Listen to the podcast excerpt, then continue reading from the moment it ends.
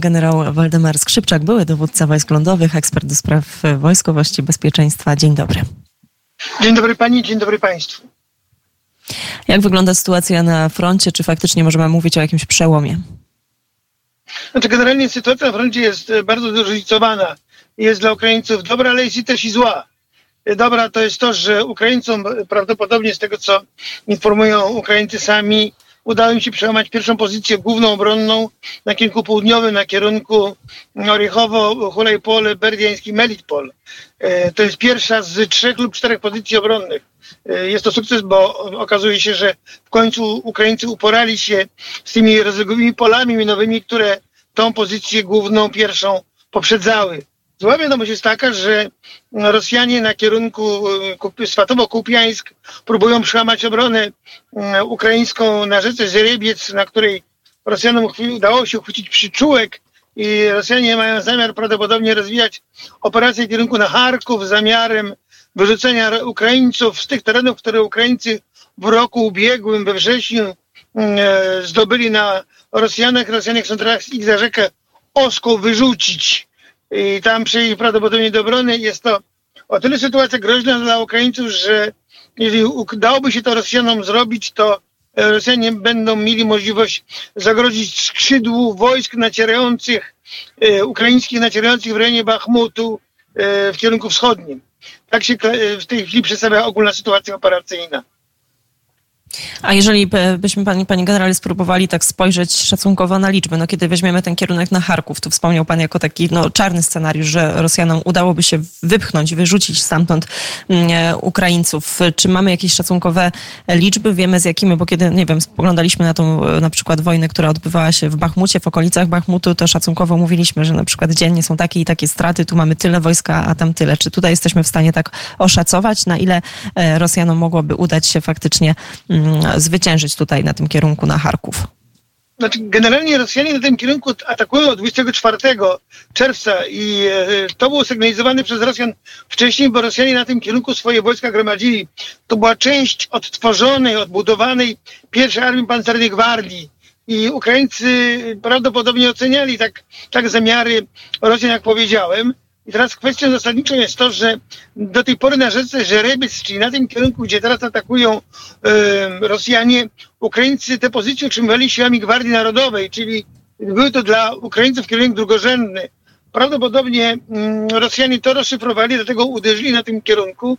Stąd w tej chwili Ukraińcy pospiesznie przesuwają y, swoje brygady z odwodu strategicznego, który był szykowany na kontrofensywę dla jej wzmocnienia przede wszystkim na ten kierunek, żeby załamać natarcie armii y, rosyjskiej a tym kierunku. Tak jak powiedziałem, jest to kierunek niebezpieczny dla Ukraińców i Ukraińcy nie mogą dać się wyrzucić za rzekę Oską.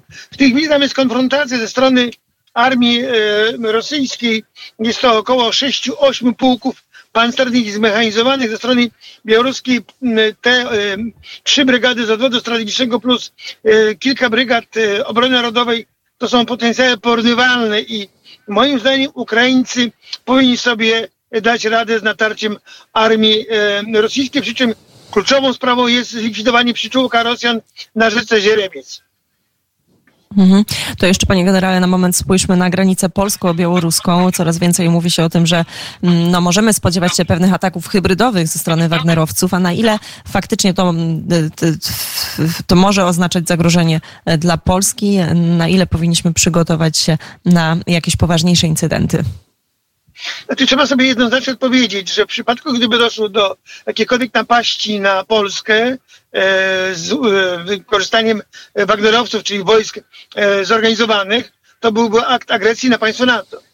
My w tej chwili nie patrzymy tylko na Polskę przez pryzmat tego, że my mamy na granicy Straż Graniczną, mamy tam wojsko, tylko my patrzymy przez pryzmat geopolityki i e, jakakolwiek, e, jakakolwiek agresja ze strony Ukrainy właśnie też z wykorzystaniem Wagnerowców będzie aktem agresji przeciwko NATO i to jest już w tej chwili przekroczenie tej cienkiej czerwonej linii, która jest sygnałem dla nas, że mamy interweniować i to już jest kwestia, bym powiedział, poziomu politycznego, a dopiero potem militarnego, ale wydaje mi się, że jednak e, zarówno na Kremlu, jak i w Mińsku wiedzą, jaka jest granica, której oni przekroczyć nie mogą, w związku z tym jakakolwiek interwencja w sposób zorganizowany, zbrojny, moim zdaniem jest e, wykluczona. Taka sytuacja, jak miała miejsce w przewodowie, ja mówię tutaj o tym w kontekście na przykład tego, że ostatnio przecież kilkaset metrów, no też od państwa, które jest członkiem Paktu Północnoatlantyckiego, a mam na myśli e, Rumunię, też przecież e, Rosjanie uderzają w te takie miejsca strategicznie ważne z perspektywy wojny żywnościowej. E, no i pytanie, czy mamy taką pewność, bo jeżeli powtórzyłaby się taka sytuacja, tylko tutaj w wypadku na przykład Wagnerowców i Rosjanie odżegnaliby się od tej grupy, bo powiedzą, ale to jest przecież prywatne wojsko, prywatna grupa, to nie jest Rosja. Czy mamy pewność, że, mm, że po prostu Pakt Północnoatlantycki zareaguje tak, jakbyśmy tego oczekiwali? Na pewno e, Rosjanie ani Łukaszenka się nie wyprą e, Wagnerowców, jeżeli doszłoby do aktu agresji z ich strony z terytorium Białorusi, bo to Białoruś jest gospodarzem e, dla Wagnerowców i to Białoruś odpowiada za to, że ta granica ma być granicą bezpieczną. Także tutaj na pewno, tak uważam przynajmniej, takiej opcji, że można by na to oko przymknąć, że to tylko Wagnerowcy nie wchodzi w rachubę. To jest agresja ze strony państwa sąsiedniego. I kto by stamtąd nie przyszedł, to jest agresja. Natomiast e, nawiązała Pani do przewodowa i do tej nowej wojny, wojny zbożowej.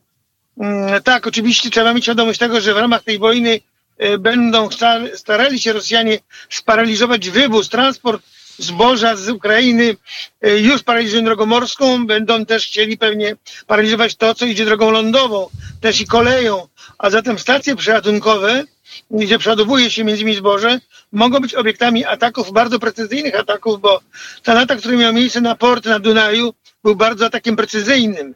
Więc e, liczy się należy z tym, że mogą być również stacje przeładunkowe, które są w pobliżu naszej granicy, również obiektami, obiektami takich precyzyjnych ataków rakietowych Rosjan. No i co w momencie, przepraszam panie generale, że wejdę w słowo, ale taki scenariusz. No mamy tak samo właśnie te ważne punkty, silosy zbożowe na zachodniej części Ukrainy, to jest tak blisko granicy z Polską. Mieliśmy sytuację w, z, w, z przewodowem. Co jeżeli taka sytuacja by się powtórzyła? Znaczy to byłoby, e, jeżeli byłoby naruszenie e, naszej granicy, naszej suwerenności, wtedy musiała być reakcja na to. Na pewno byłaby to najpierw dyplomatyczna reakcja, jakieś protesty, o ile by nie było ofiar oczywiście, a potem jakaś się to zacznie odpowiedź, bo oni nie mogą przekraczać pewnie granic, które by e, były tym, czym, e, co zwiastuje wojnę. A w związku z tym uważam, że e, stanowisko NATO powinno być jednoznaczne, polityczne, groźby w stosunku do Putina, że jeśli cokolwiek się takiego wydarzy, będzie odpowiedź adekwatna do tego, co oni robią. Ale Putin nie chce trzeciej wojny światowej też, bo on ma problem z Ukrainą i w związku z tym moim zdaniem on ma świadomość tego, że tej linii przekroczyć nie może i trzyma na smyczy Łukaszenkę, żeby Łukaszenko przynajmniej jakiegoś błędu nie popełnił.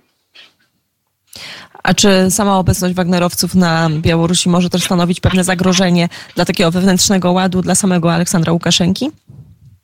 Tak, oczywiście. Moim zdaniem Łukaszenka z części żołnierzy Wagnerowców, jeżeli można nazwać tych przestępców żołnierzami, będzie tworzył gwardię przyboczną, która ma chronić go w przypadku, gdyby było powstanie na mm, e, Białorusi. Natomiast część Wagnerowców na pewno przygotowuje się do tego, żeby przejść do działań w Afryce, bo to jest główny cel wykorzystania tych oddziałów przez Putina. On tam buduje swoją silną pozycję polityczną przez wsparcie między innymi rządów autokratycznych, ale temu służą Wagnerowcy. Uważam, że Wagnerowcy są takim, e, taką bombą z opóźnionym zapłonem. Łukaszenka o tym wie, że długie przytrzymywanie na terytorium Białorusi stwarza dla niego zagrożenie, bo to są ludzie, którzy są nie do, nie do okiełznania, ponieważ tak jak powiedziałem, to jest bomba z opóźnionym zapłonem i ci ludzie e, nie chcą siedzieć spokojnie, oni chcą walczyć, oni chcą zarabiać pieniądze, a Łukaszenki tego nie osiągną.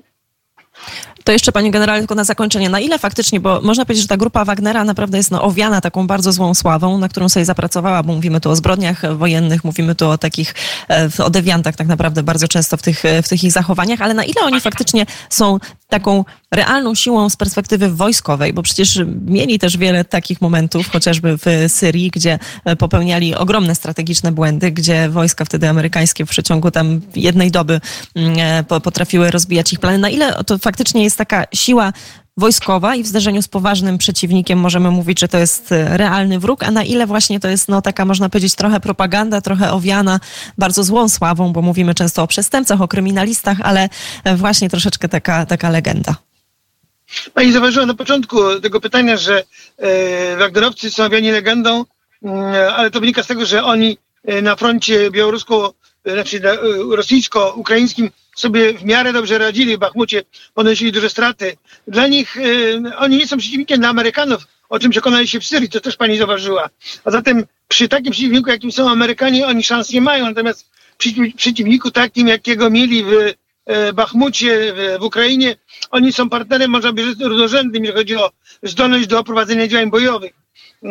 Wydaje się, że to jest wojsko, które jest zdeterminowane, żeby walczyć, bo oni są wszystkim dobrze opłacani. Ich sprawność bojowa, co, o czym się też przekonaliśmy niejednokrotnie, jest stosunkowo e, wysoka. W związku z tym na w tym froncie, na którym oni do tej pory byli, e, sprawdzali się powiedzmy według oczekiwań e, Rosjan, bo przecież to oni tym e, swoją obecnością w Bachmucie przez 8 miesięcy dali Rosjanom czas na to, żeby Rosjanie mogli odbudować swoje, swoją pierwszą armię pancerną gwardii między innymi. A zatem oni swoje zadanie wykonali, natomiast tak jak pani zauważyła, w konfrontacji z Amerykanami oni żadnych szans nie mają. Ufam, że w konfrontacji z nami, z NATO też szans nie mają. Dokładnie tak, bardzo serdecznie dziękuję. Generał Waldemar Skrzypczak, były dowódca wojsk lądowych, ekspert do spraw bezpieczeństwa i wojskowości, był gościem Radia Wnet.